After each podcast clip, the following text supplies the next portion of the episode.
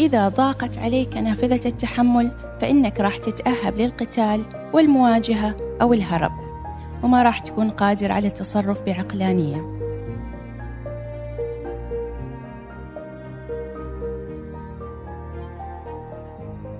معكم ابتسام الوردي وأقدم لكم بودكاست وعي وتربية. نافذة التحمل أو Window of Tolerance هو مصطلح يستخدم لوصف وضعك النفسي والعاطفي اللي تكون في لحظتها قادر على أنك تفكر وتحلل وتتصرف بأريحية وبدون الشعور بالضغط. وقد صاغ هذا الوصف الدكتور دان سيجل المتخصص في علم النفس ومؤلف كتاب الطفل ذو العقل الكامل في نهايات القرن الماضي. لكل فرد منا نافذة تحمل افتراضية وتختلف حجمها من شخص لآخر.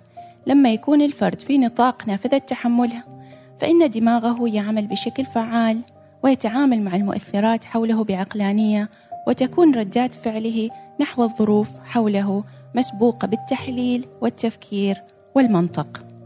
لذا يقوم الفرد عندها باتخاذ القرارات بشكل واع وبدرجة عالية من النضج العاطفي. أما في الأوقات الحرجة أو لما يشعر الفرد بالخطر فيمكن وصفه بأنه خارج نافذة تحمله. ما معنى ذلك؟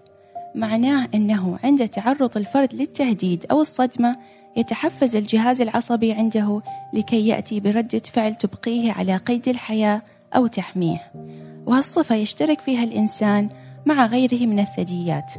فيمارس واحدة من التكتيكات التالية fight أو القتال أو flight وهو الهرب أو freeze وهو التجمد في مكانه.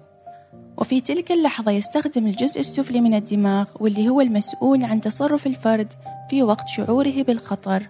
ولا يستخدم الجزء الأمامي في مواقف التهديد واللي هو مسؤول عن التفكير والتحليل. ونفس الشيء لا يستخدم الجزء الأوسط من دماغه المسؤول عن النضج العاطفي. تخيلوا معي أن ذئبا هاجم شخص. ردة فعله نحو الموقف راح يكون الهدف منها حمايته من الذئب. فالجزء السفلي من الدماغ راح يحفزه على أن يهاجم الذئب أو يهرب منه أو يتجمد مكانه. فالجسم عندما يشعر بالتهديد يرسل رسائله للدماغ ليتصرف بسرعة فتصرفه هنا مسألة حياة أو موت لذا يتم تفعيل الجزء السفلي من الدماغ. لما تكون مشاعر الفرد ضمن نافذة تحمله ولا يشعر لحظتها بالتهديد فإنه يكون في أحسن حالاته بحيث يمكن له أن يتعلم وأن يكون قادر على أن يحب ويتعاطف مع الغير ويستكشف ويستخدم الكلمات للتعبير عن مشاعره. لكن في اللحظة اللي يتم دفعه خارج نافذة تحمله بسبب مؤثرات معينة فإنه يصبح بمرحلة الشعور بالتهديد ويعجز عن التفكير.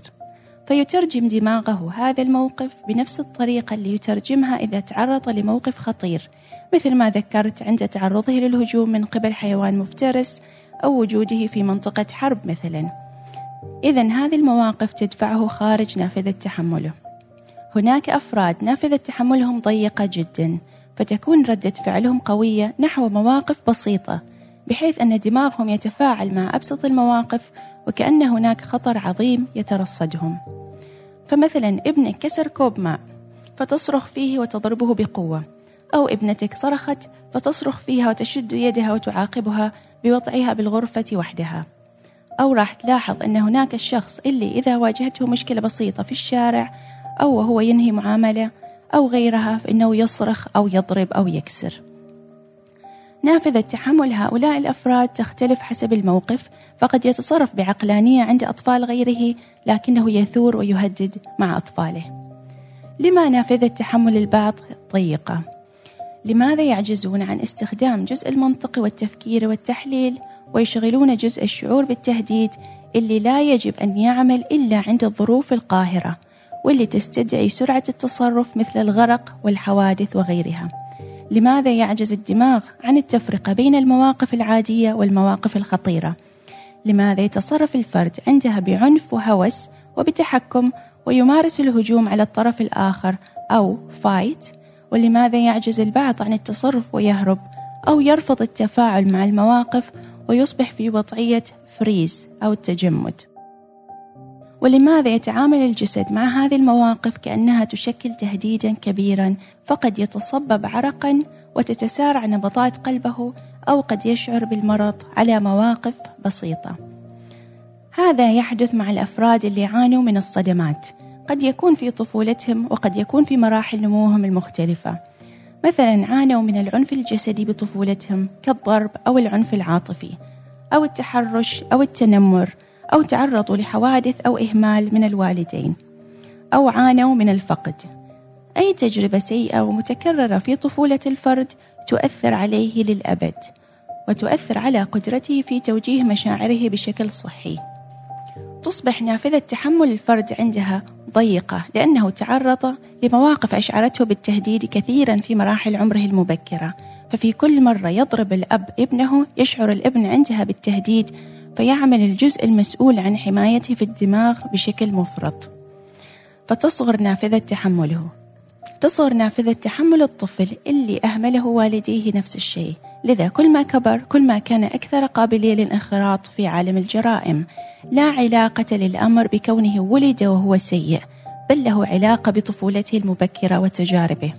فلا يولد أحدنا وهو مجرم بل تجاربه الحياتية توصله لذلك المنحنى.